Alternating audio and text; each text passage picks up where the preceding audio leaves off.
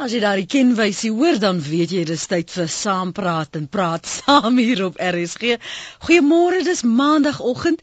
My naam is Lenet Fransis. Lekker opwindende week van gesels wat voorlê oor aktuelle sake wat jou kop en jou lyf en jou denke raak. En ek hoop jy gaan nie agterweë bly nie dat jy saam gaan gesels op ons telefoonlyn, jou SMS stuur of as jy wel op Twitter is, dat jy vir my gaan tweet. Soos jy weet, is Augustus maand, vroue maand.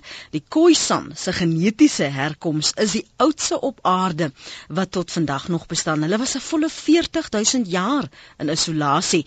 En indien jy 'n bruin vrou is, is die kans baie goed dat jy Khoisan bloed het, maar nie so seer as jy 'n bruin man is nie. In praat saam vir oggend kyk ons na jou genetiese samestelling. Wat bepaal dit en hoe ver terug kan jy dit dan nou navors? Jy kan saamgesels op 0891104553. Dit is 0891104553. Jy maak dit reg op ons webblad www.rsg.co.za en jy kan jou SMS stuur na 3343. Elke SMS kos jou R1.50 en tweet my by Lenet Francis 1 indien jy my volg. So indien jy nog nie vir my volg nie, volg my gou sodat jy kan saamgesels. Professor Eileen Hall en Dr Marlo Moller is albei kenners op die, die gebied van molekulêre biologie en menslike genetika daar by die Universiteit van Stellenbosch en albei is ons gaste vanoggend. Goeiemôre dokter, baie welkom ook aan u professor Hall. Baie dankie Lenet, hoe gaan dit? Goed, goed, dankie. Baie dankie dat jy beskik albei beskikbaar is om vanoggend vir ons 'n bietjie wyser te maak, veral wat ons genetiese samestelling betref. Wat is genetika, dokter? Nou, genetika is die studie van die kromosome wat uit DNA bestaan. En dan bestudeer ons dan die funksionering van die gene. Nou die geen is die basiese eenheid van oorerwing. So byvoorbeeld, elke persoon ontvang een geen van sy ma en een van sy pa. En ehm um, die genetiese samestelling of samevoeging van 'n persoon noem ons die genotipe. So genotipering is dan die proses wat tydens die verskille in die genetiese samestelling van 'n persoon bepaal en dan bestudeer ons nou sy DNA volgorde en op die einde word daar vergelyk met 'n ander individu se DNA of 'n verwysingsvolgorde wat bepaal is. So almal se DNA kan bepaal word. Dis reg. Sjoe. So so goed. Ja, my kop is nou weer vol want dit is nou weer 1000 vrae. So almal sin kan bepaal word. So wat wat van hierdie veronderstelling wat baie sê die aanname dat eintlik kom ons al van die oortye van die wyse waarop die mens dan nou ontwikkel het dat ons eintlik ons nasate kan terugtrek na Bobbejane byvoorbeeld. Ja, dis 'n baie populêre beskrywing en almal wil graag weet waar hulle vandaan kom. En ehm um, inderdaad, dit is wat ons in genetika sien, dat ons almal van dieselfde voorouers uitstam. Uit Afrika uit, jy stel word beskou. Wonderlik. Nou ons luisteraars kan saamgesels. Ek weet nie hoe van julle het nou al hierdie toetse laat doen nie, uh, weet wat julle genetiese samestelling is. Dis mos 'n baie gewilde gesprek by Braai, by 'n Braai van waar kom jy vandaan? En dan sê ons nee, maar my oupa is eintlik van Duitse afkoms. Um en ons spog graag daarby daarmee. So dis waaroor ons gesels vanoggend. Weet jy wat jou genetiese samestelling is? Wat bepaal dit en hoe ver terug kan jy dit navors? Jy het verwys na die kromosome en dat ons een kry van ons ma en een van ons pa en dat dit in alle gevalle so is maar hoe help genotipering vir ons professor Hel in onhedendaagse lewe byvoorbeeld Um, good morning. Um, I'm going to speak English. I hope you don't mind. Yes, yeah. Um, morning, listeners. Thanks for having us on the program. Um, there are many reasons to be genotyped. One of them is, as you've said, to find out what your ancestry is, which is just from an interest point of view. And uh, the other reason um, these days you can actually have your entire genome sequenced and uh, quite a few people have had that done, but it's, it's very expensive at the moment. And what you can also do then is see what risk factors you have for various conditions. Um, the only problem with that is that it's only fairly rare conditions that are um, very, shall we say, very genetic in origin that you can definitely say that I have a risk factor for this condition and I don't have a risk factor for that condition. The other more general ones, you know, cardiovascular disease, um, the, the more common diseases that most people get, we're really not ready to be able to say what your risk factors are for, for those um, for those conditions. Um, part of our work, for example, is, is working on tuberculosis and we look at risk factors for tuberculosis. But, you know, we're certainly not at the stage where we can look at someone's genes and tell them whether they're going to get it or not. Um, so from the point of view of, of looking at the, the ancestral um, genes, I just want to point out um, something that you said about um, genes from your mother and mm. genes from your father. Um, I don't want to go into the heavy science, but but basically um, the the the genes that you get from your mother are your sort of ordinary genes, as well as something called the mitochondrial genes. Now, the mitochondria are tiny little things in your cells, and they provide energy. And they have their own little uh, DNA set. And that's the set that we use to find out where a person's maternal um, ancestors come from because those mitochondria only come from your mother. Mm. And your mother only got it from her mother. And her mother only got it from her mother. So it's a very, it's a single line going backwards. Um, whereas if you want to see where your father um, came from, uh, or where, where you came from if you're a male, uh, then you can look at the Y chromosome. You know, the, the X chromosome, um, uh, females are XX mm. and males are XY. So we can use the Y chromosome to find out where the males came from. And that's where you could find your German grandfather, for example. Ah. Oh. But but if you're a female, you can't do it yourself. You'd have to get your brother to have his genes looked at because he's the only one with a Y chromosome. So dis hoekom as jy byvoorbeeld 'n bruin vrou sou wees, sou jy die die lyn na die koisand kon trek, maar nie noodwendig as jy 'n bruin man is nie.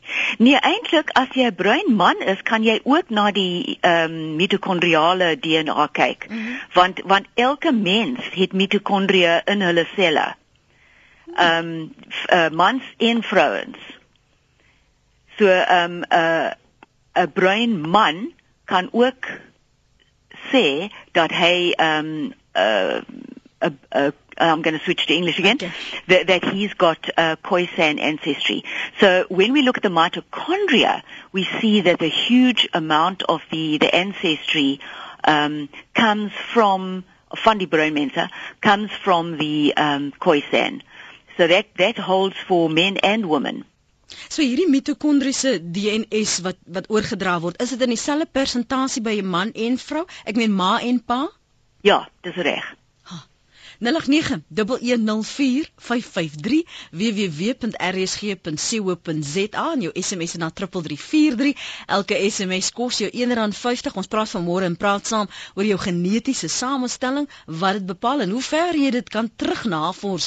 Sal al die kinders van 'n ouerpaar dus dieselfde kromosome van beide ouers ontvang? Vra 'n luisteraar. Dr Moller Nee, ons dit is hoekom jou kinders verskillend lyk. Ehm um, daar's 'n proses wat voorkom wat die DNA laat vermeng. So dis half 'n lukrake vermenging van die DNA en dis hoekom ons almal uniek is, alhoewel ons as nog steeds 50% DNA van jou ma en 50% DNA van jou pa kry. Maar jy kan dit nie vooraf bepaal nie. Nou hoe werk hierdie kloning dan? nee, jy kan dit nie vooraf bepaal nie. Kloning is iets anders. Daar vat ons die ehm um, DNA van 'n sel af presies soos dit is en sit dit net in 'n volgende sel in wat dan nou verder weer kan verdeel wat die vermoë het om te verdeel. Ehm um, dis nog nie in mense gedoen perfek nie en ek dink nie dit sal eties toelaatbaar wees gou nie. Mm. So dit is maar nog net 'n teoretiese ding. Ekskuus, ek wil gou teruggaan na Dolly die skaap toe. Wat wat het toe destyds daar gebeur? Ehm um, hulle het mos nou dit reg gekry om 'n skaap te kloon. Met ander woorde, die twee skape het presies dieselfde DNA gehad. Ehm um, en wat hulle toegevind het was eintlik dat Dolly het op die ou uh, baie vinniger oud geraak as wat 'n gewone skaap wat nie die, proses deurgegaan het ehm um, gehad het nie. So dis definitief nog nie iets wat ons mense sal doen nie. Daar's nog te veel dinge wat verkeerd kan gaan. Kan gee nie vir ons 'n insig van wat moontlik verkeerd kan gaan veral ek weet nou van die etiese kwessies en dis natuurlik 'n praatsaam op sy eie maar waarna byvoorbeeld sal 'n mens moet kyk of versigtig wees of waaroor wonder jy as wetenskaplikes nog Ehm um, iets soos ek kan sê dalie die skaap het vinniger oud geraak as die oorspronklike skaap Ehm um, so ons kan nie al die prosesse in die sel perfek beheer en weet wat gebeur nie. Ehm um, die ander ding is die sel wat jy mee begin, die DNA begin as oud. Dit sal nie wees soos 'n nuwe babatjie wat gevorm het deur die vermenging van die DNA wat ek net eendag van gepraat het nie. Ehm um, ook in die proses kan iets verkeerd gaan. Sê maar al die DNA gaan nie reg in die sel in nie. Ehm um, ja. Hierso is 'n SMS, ek dink dis vir professor 'n uh, uh, Hul, dis 'n SMS wat Debbie vir ons gestuur het na 3343. Onthou dit het vir Debbie R1.50 gekos. Debbie vra wat is 'n recessive gene? Um, a recessive gene is a gene where you have to have two copies for the effect to show. So, for example, if your if your mother is what's called a, a heterozygote, so she's got one um, good gene, let's say, and one recessive. If, if we assuming that this recessive gene causes um, something bad, uh, let's say she's got a copy of each, and and the father has a copy of each. Then one child might have um, the good copy from the mother and the good copy from the father, and they'll be absolutely fine. Another child might have a good copy from one parent and let's say a bad copy from the other parent, and they'll also be fine because the bad copy is recessive. It can't, it can't have an effect on its own. But then an, another child, and this is usually about a quarter of the children, will have um, the bad copy from both mother and father, and then they will show the, the disease or the effect of the, the gene mm. because it's recessive and you need two copies. Ons moet in deur die loop van vanoggend nog gesels oor al die vooruitgang wat die afgelope paar jaar gemaak is. Ek dink ons sal dit doen nadat ons 'n blaaskans geneem het vir uh, professor Eileen Hall en vir dokter Marlo Moller vra om net so die laaste afgelope paar jaar se se navorsing en die vooruitgang met ons te deel sodat ons kan verstaan waar staan ons in Suid-Afrika en waar staan ons in die wêreld as ons kyk na genetiese samestelling. Net hierna ook jou SMS'e en uh, jou e-posse Lundi Khoisan het het vir my getweet lank leef die Khoisan nasate. Dis natuurlik na aanleiding van die inleiding wat ons gepraat het oor die volle 40000 jaar wat uh, die Khoisan in isolasie was en dat 'n mens nog wel hulle gene en genetiese herkoms kan nagaan. Hoe hoe begin 'n mens dit na na te gaan uh, Dr Marlo? As jy byvoorbeeld 'n uh, so stelling maak.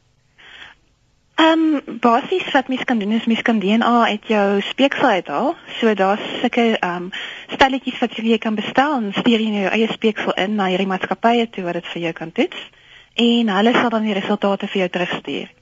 En dis net so eenvoudig. Dis net so eenvoudig soos dit. Ehm um, een van die maatskappye word genoem ehm um, 23andMe.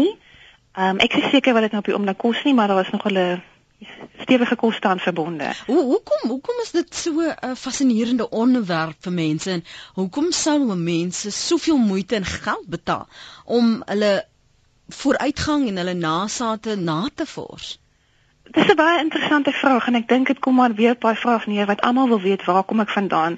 As mens kyk na die in my familie byvoorbeeld die ou Bybels, wat jy kan sien daar was my oupa, my ouma en wanneer hulle getroud is. Dis interessant vir ons almal en ek dink is maar net 'n belangstelling in mense geskiedenis. Die een ding as ons praat oor vooruitgang, gee vir ons so 'n idee van die laaste deurbrake die afgelope paar dekades professor Hul.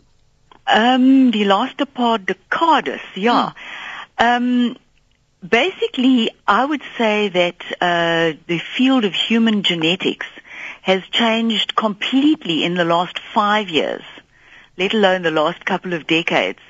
Um, it was it was just over ten years ago that they actually managed to sequence the first human genome, and that took millions of dollars and it took a good few years and thousands of people working on it.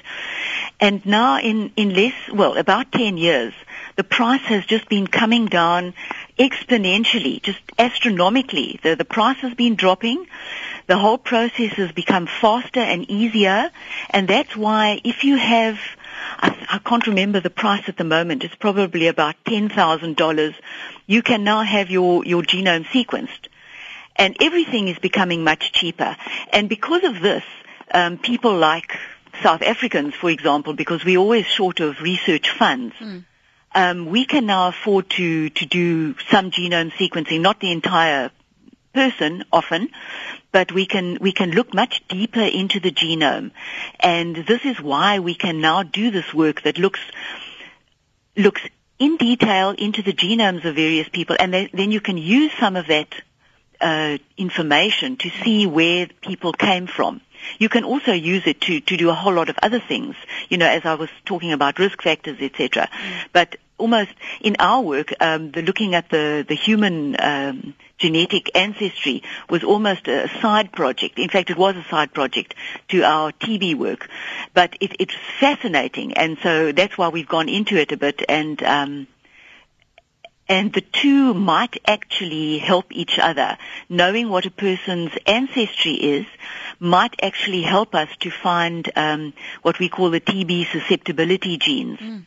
Um, because the, uh, the, the colored and black people in and I'm just using the terms that yeah. the census uses.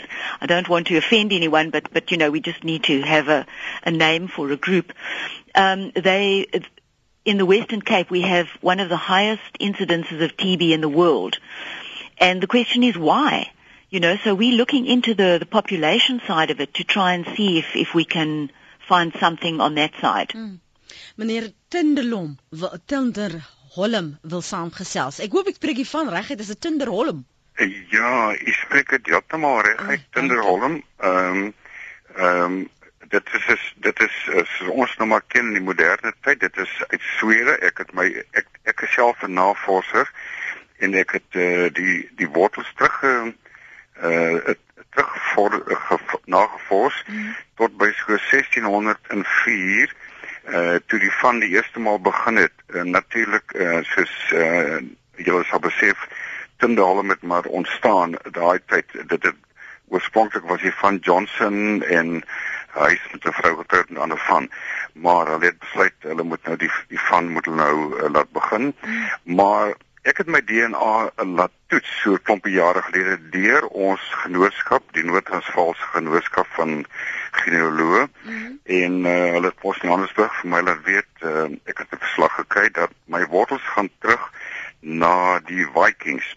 My vraag is nou hoe is die Vikings of was die Vikings verbind met die Joodse stamme, die Israeliese stamme van die ou tyd wat weggetrek het. Ons weet in die Bybel word gepraat van 12 stamme en van die stamme het weggetrek. Ek dink 10 van hulle het weggetrek. Nou is die Vikings enigsins dan gekoppel of het hulle wortels mm. met Israel? En dit is my vraag. Ongelooflik. Ons gaan hom gou parkeer want ek wil hierdie gaste moet so lank aantekeninge maak. Baie dankie vir die oproep en dankie dat julle met ons gedeel het. Fascinerend. Kom ons gou gaan na anoniem. Anoniem in Pretoria. Môre anoniem. Um, Goeiemôre. Ek skakel sommer in verband met die 23 you um you and me waarna jy verwys het. My man het gebruik gemaak van hulle diens om sy um genetiese agtergrond te bepaal. En daar's twee komponente en ek dink jou vraag het jy se gaan oor hoekom doen mense dit? Nou ek bel net maar anoniem omdat ek namens hom bel en nie namens myself nie. Maar die eerste komponent gaan oor jou voorgeslag. Hy is baie geïnteresseerd daaroor. Hy word as 'n wit Afrikaanse man beskou. Maar volgens die data is sy moederlike of die mitrokoniale DNA kom uit Wes-Afrika uit. Uh, wat eintlik so 'n bietjie gek van rasisme maak of of weet oor as jy nou begin praat oor rasse want die kern dan of sy moederlike ehm um, kern is dan eintlik die van 'n swart vrou uit Wes-Afrika en sy pa se of sy vaderlike voorgeslag kom dan ook uit Skandinawië, uit my soos die vorige inbeller. Die ander komponent is dat hulle baie goeie ontleding vir jou gee van jou familie siektes. Wat interessant is, ehm um, dit is eintlik alles maar net statistiese moontlikhede en um, soos van watter kategorie jy inval, dit kan nie vir jou sê jy gaan 'n siekte kry of nie, maar dit kan sê dat jy 'n risiko het. Dit dit dui byvoorbeeld aan dat hy baie vatbaar vir rook is. Hy het vroeër in sy lewe gerook, hy het een sigaret gerook en hy het onmiddellik begin rook. So dit dui daai tipe um, verslawingsgeneigtheid aan.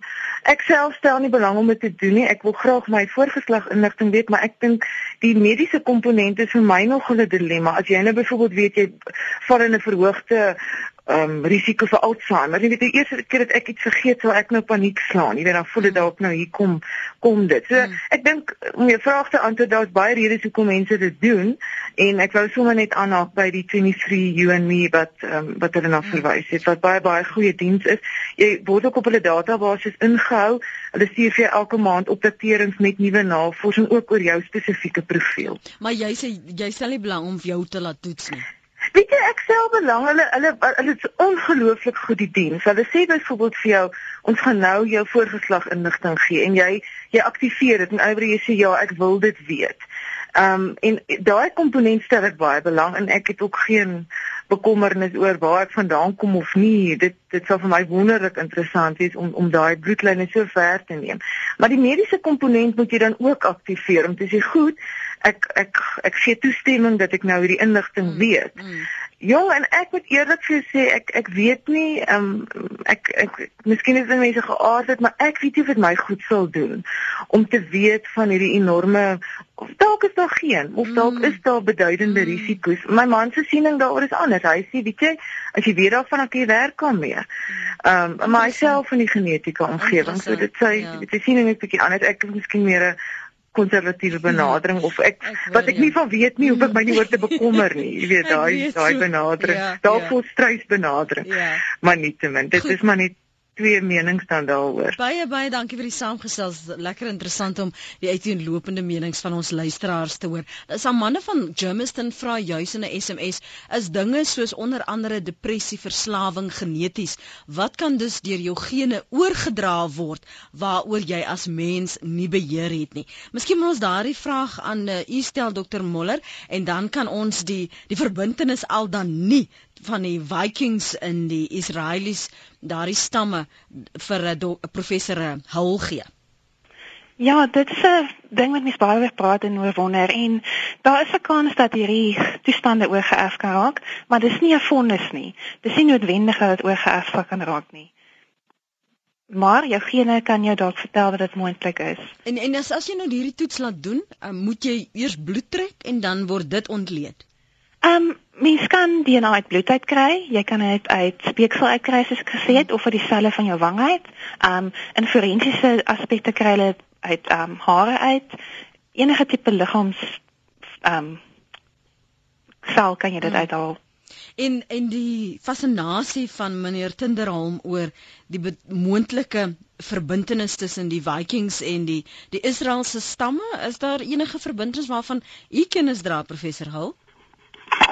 Uh, nee, eintlik.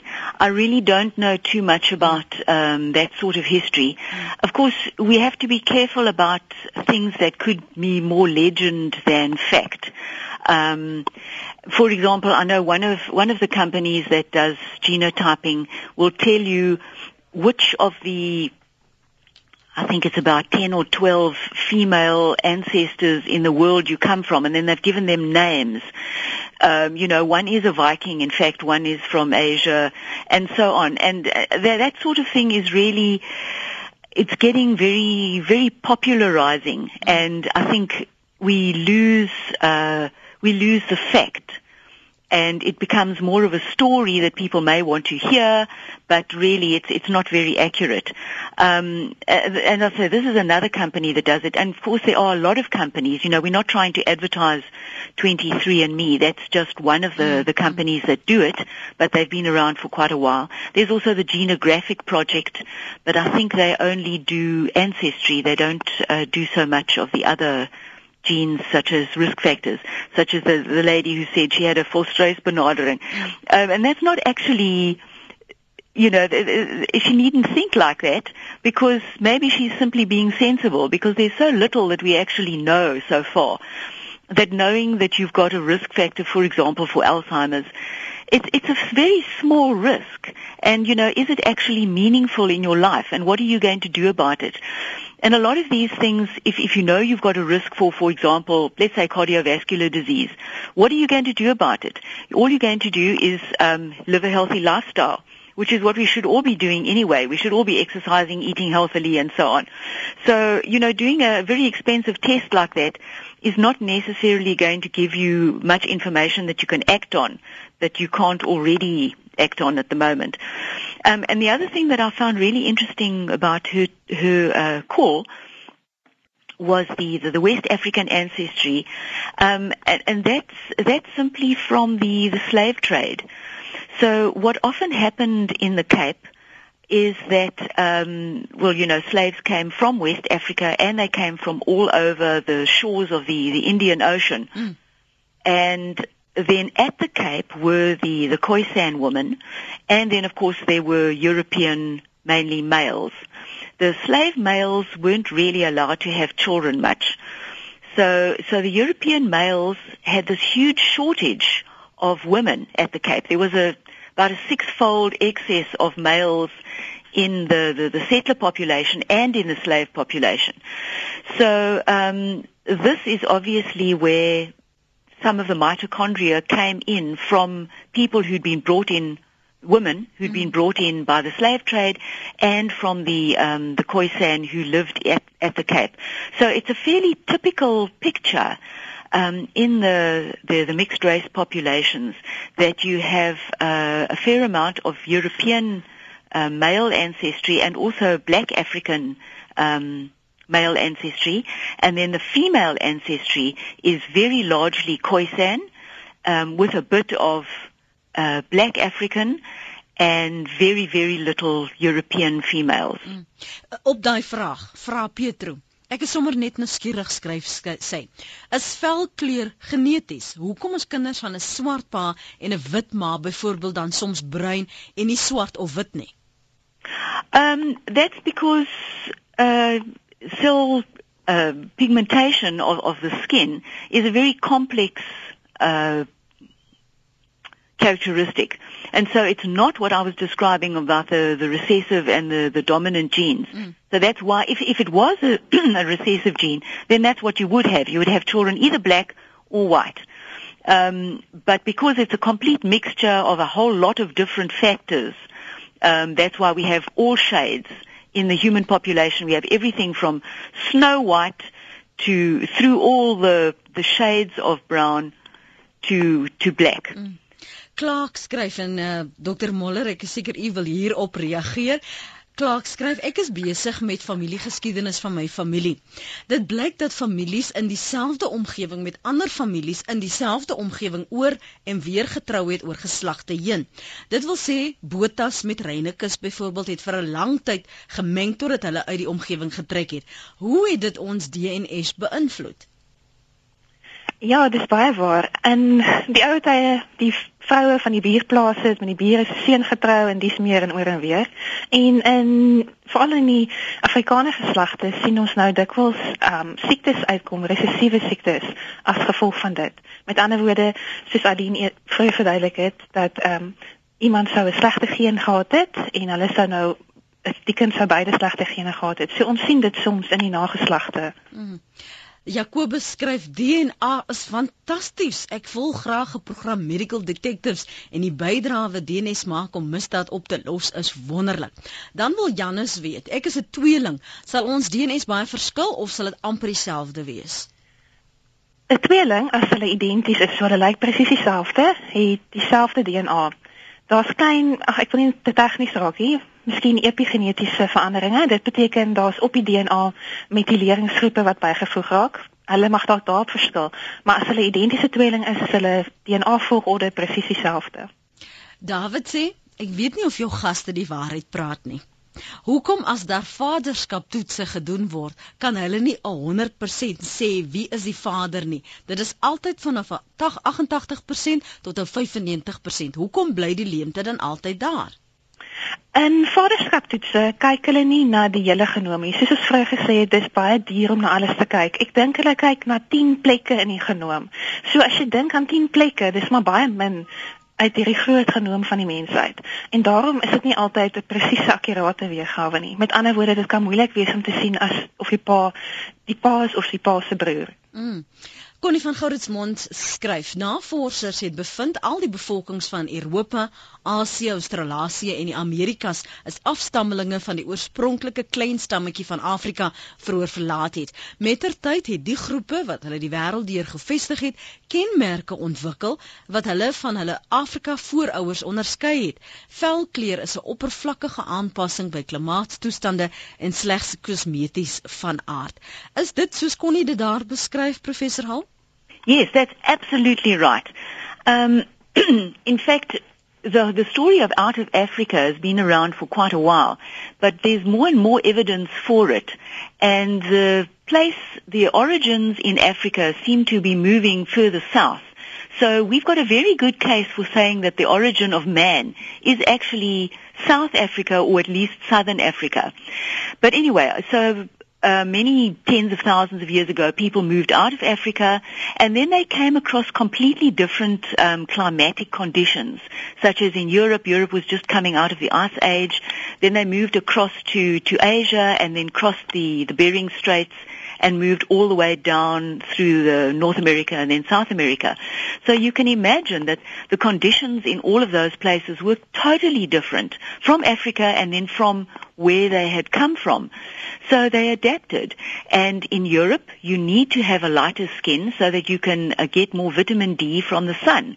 And people who don't have that are at a disadvantage. So there was selection for people with a lighter skin. And then in Asia, for example, when people moved into the deserts, there was again selection for people with a darker skin.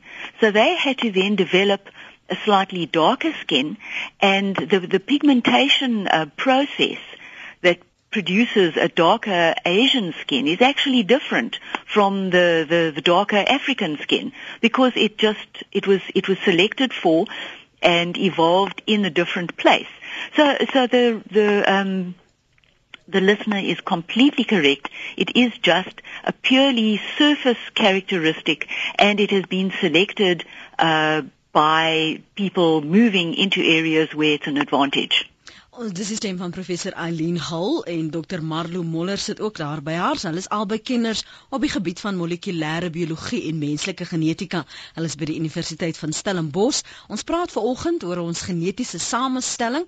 Baie fascinerend, veral omdat dit wetenskaplik is en hoe ook hoe ons natuurlik baie van ons siektes van die toekoms deur hierdie soort bepalinge sal kan doen. 0891104553 0891104553 553 as jy wil saampraat. Jy kan ook 'n draai maak op ons webblad www.rsg.co.za. Ek het sopas daarna verwys. Baie van die vrae wat daar uh, neergeskryf is, jou SMS se stuur jy na 3343. Dit kos jou R1.50 en ek kyk wel na jou tweets by Linet Francis 1. Michael Moore, jy's in die Kaap. Michael, praat gerus. Uh, it's Michelle Cozien. Is dit Michelle? O, vergewe Ja. my Michelle. Ek luister na jou. Ja, waarom is daar gapings in die genetiese kode en watter uh, doel dien hierdie gaping- gapings asseblief? OK, dankie. Luister vir ons verder. Kom ons praat eers oor 'n genetiese kode en dan verwys ons na hierdie gapings. Eh, Dr Moller, sal u daai vraag neem? Soos met soos deur die jare het die maniere om die genoom te bepaal verbeter en daar is dele van ons genoom wat ons nog nie um volledig kon die volgorde van bepaal nie. Ek weet nie of Michelle dalk verwys na wat ons noem die junk DNA nie. Nou die genoom bestaan uit dele wat proteïene vorm en ons noem hierdie dele die koderende dele wat fisies proteïene maak wat ons kan meet in die sel. Maar in ons genoom is daar ook dele wat nie enige meetbare produk vorm nie, die junk DNA. En ons dink dit het te maak met die regulering van gene en um, hoe hulle dan hoeveel proteïene dan gevorm word. Maar op hierdie stadium is dit nog nie als uitgewerk nie. Hmm. Iemand wil weet wat is uh, wat wat gebeur dan met die albino bevolking as jy na hulle DNA sou kyk? Is daar al 'n verklaring daarvoor? Um ek dink met die albinos is daar 'n mutasie in van die gene en dit is ook 'n resessiewe um, fenotipe. Met ander woorde, jy moet twee kopieë hê van daai fout in die DNA voordat daar albino sal wees as ek reg is. Mm. Jy kan saamgesels. Kom ons kyk hier uh is 'n paar ek probeer nou so tussen die SMS'e kyk wat is die relevante SMS'e wat betrekking het tot ons program vir oggend. Um onthou nou ons kan nou nie spesifiek as jou kind uh een of ander siekte het nou uh, hele ontleding op lig doen deur net daaroor te praat nie. Dit is baie meer spesifiek en dis baie meer 'n navorsing wat gedoen moet word. Um kom ek kyk gou wat daar nog is van die SMS'e. Dit's maar reaksie op kinders uh, as die ouers gemengde 'n paartjie is wat die uitslag op die kinders sal wees. Um baie wat verwys spesifiek na hulle eie familiegeskiedenis um en dan reageer op wat uh, meneer Tinderholm gepraat het oor die Vikings. Um hoekom het ons krone op ons kop en en ander nie? Ek weet nie wat waarna dit verwys nie. Het julle dalk 'n idee waarna dit verwys? Ek sien nou weet dit is nou onredelik professor Halm en en uh, dokter Moller, maar ek dink dis daai haarpatroon op jou hare wat se draai, maar um, ek het nie ek is nie bewus van enige genetiese ding nie. Ek Ek is geen seker nie nee. Goed. Dis moontlik geneties. Goed. Is dit Jasmin môre of Jasmine? Ja, môre. Dankie Lenie, baie interessante program en ehm um, goeiemôre aan Dr. Hall en professor Muller. Ehm um, ek het net 'n vraag in verband met ADHD en die vordering op genetiese gebied. Ek het een dogter byvoorbeeld wat dit heeltemal vrygespring het en 'n ander dogter wat vreeslik sukkel met ADHD. En ek wil net weet wat is die vorderinge? Byvoorbeeld ek en my man toe ons by die neuroloog was en hulle het 'n baie basiese toets gedoen het, het ons albei uitgekom as borderline soos hulle in Engels sê. Mm. Nou maak 'n plus 'n plus en 'n plus nog 'n plus. Dis wat ek wel graag weet. Verstaan jy ook? Verstaan jou. Dankie Jasmine. Lekker dag Dankie. verder. Maak 'n plus en nog 'n plus. um In some cases, yes, but I'm not sure whether the test that was done was genetic. So, you know, two borderline parents could then produce a child that, that is more likely, but it's all just likelihood, mm. more likely to have a, a or be a borderline uh, child. So therefore they could go either way. Mm. So yeah, I would just suggest that they go to a dietitian and you know cut out sugar and things like that. Mm. But I'm not a dietitian, so I'm not going to give advice on that side. But um, as far as the actual behavioral genetics and psychiatric genetics goes, they are making um, a lot of uh, big strides in it. But um, as we all know, the brain is extremely complicated, and every time someone thinks that they found out something that is then applicable to a number of other conditions or people, they find that there was a factor that they didn't take into consideration. And so it's, it's all I can say is it's it's more complicated than that and it's going to stay that way for a while. Byna byna groete. Kom ons hoor gou vinnig wat sê Brakkies. So dit goeiemôre aan jou jou gaste. Môre. Uh ek wil net terug vlugtig dit deel. Voorsaat uit my ma se kant, uh die van Scott, twee broers uit die land gekom het. Een was besigheidsman in die Kaap, die ander word uh, beskryf as 'n rabadoo op die uh, grens van destyds uh, visrivier area was uh, is hy uh, uitgewys as uh, voelvry want hy getroud is met 'n uh, boekie vrou verder oos beweeg en uh, die uh, aanname is dat hy dat die ou uh, wat vandag Mosambiek is mm. uh, rigting beweeg het nou in ons familie het ons vrek en vrede uh, wie van wat dat uh, een is ons uh, nasate. Ons sien daarop deur aangesien ons uh, groot gemaak is om nie na velkleur te kyk nie maar dit wat goed is te neem het sy die swart brein wat uh, uh, Engels maak nie saak wat die geval is nie. Uh, wat ek my boodskap wat ek wil oordra met jou gene uh, as kind dit nie bestaan nie.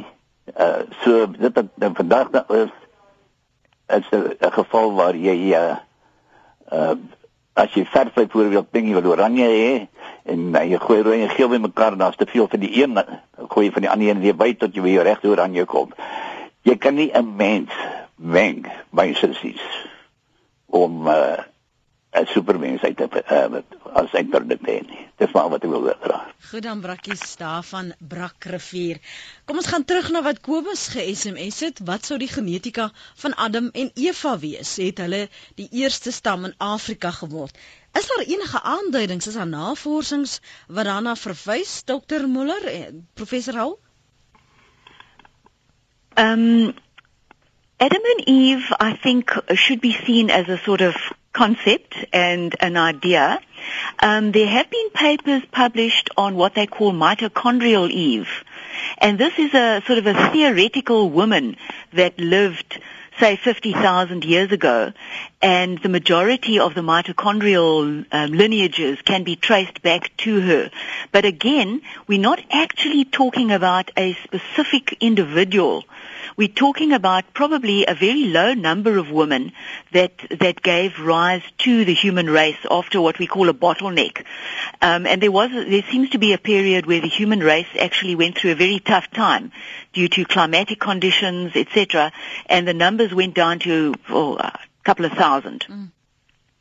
So mitochondrial Eve would have um, been alive at that time, and that is why we can trace our um, ancestry back to this sort of theoretical person.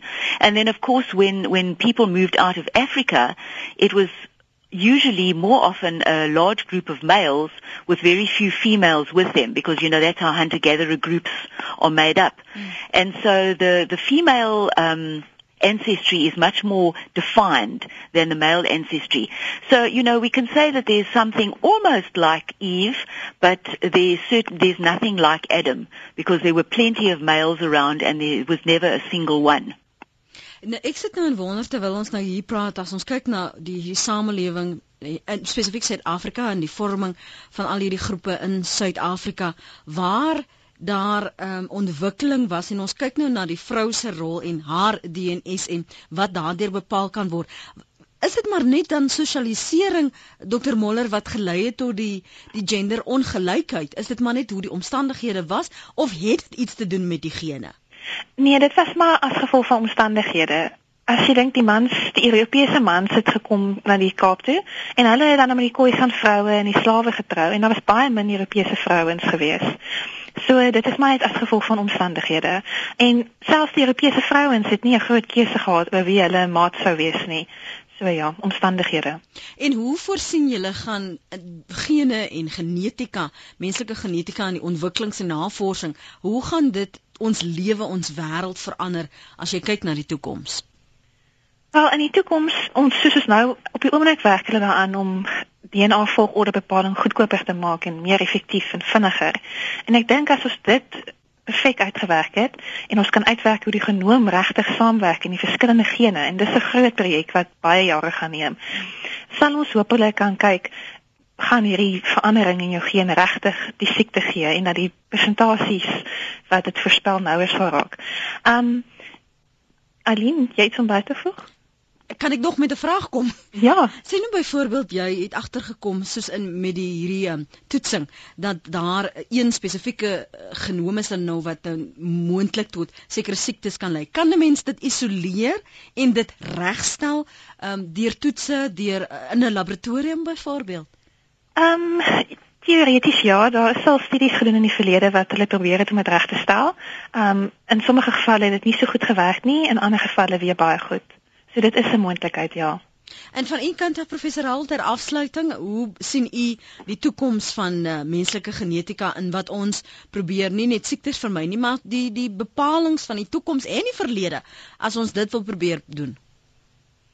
Ehm um, ja, die bepaling van die toekoms is baie interessant and I wish we could all do that. Um, but yes, I think that we're going to get more and more detailed data back and we'll be able to, um, for example, in things like population genetics, um, we we are already finding out much more interesting stories about where various populations come from, like the Aboriginal population in Australia, you know, and who they um, actually interbred with on the way down to Australia, etc. So if you find that sort of thing fascinating, like I do, then it's it's just really very interesting. Um, and as far as disease goes, I think at the moment we we have more genetic knowledge than we know how to handle. And what we need to know more of is what actually causes diseases and what are the combination of genetic factors that will make you more susceptible if you do a certain thing like say smoking, um, more susceptible to a specific disease. And at the moment we, we don't have a very good idea of the various risk factors and that's our problem with predicting the diseases that people are going to get. And then if you go even more concentrated into the um, the field of of correcting uh, if you want to call it that.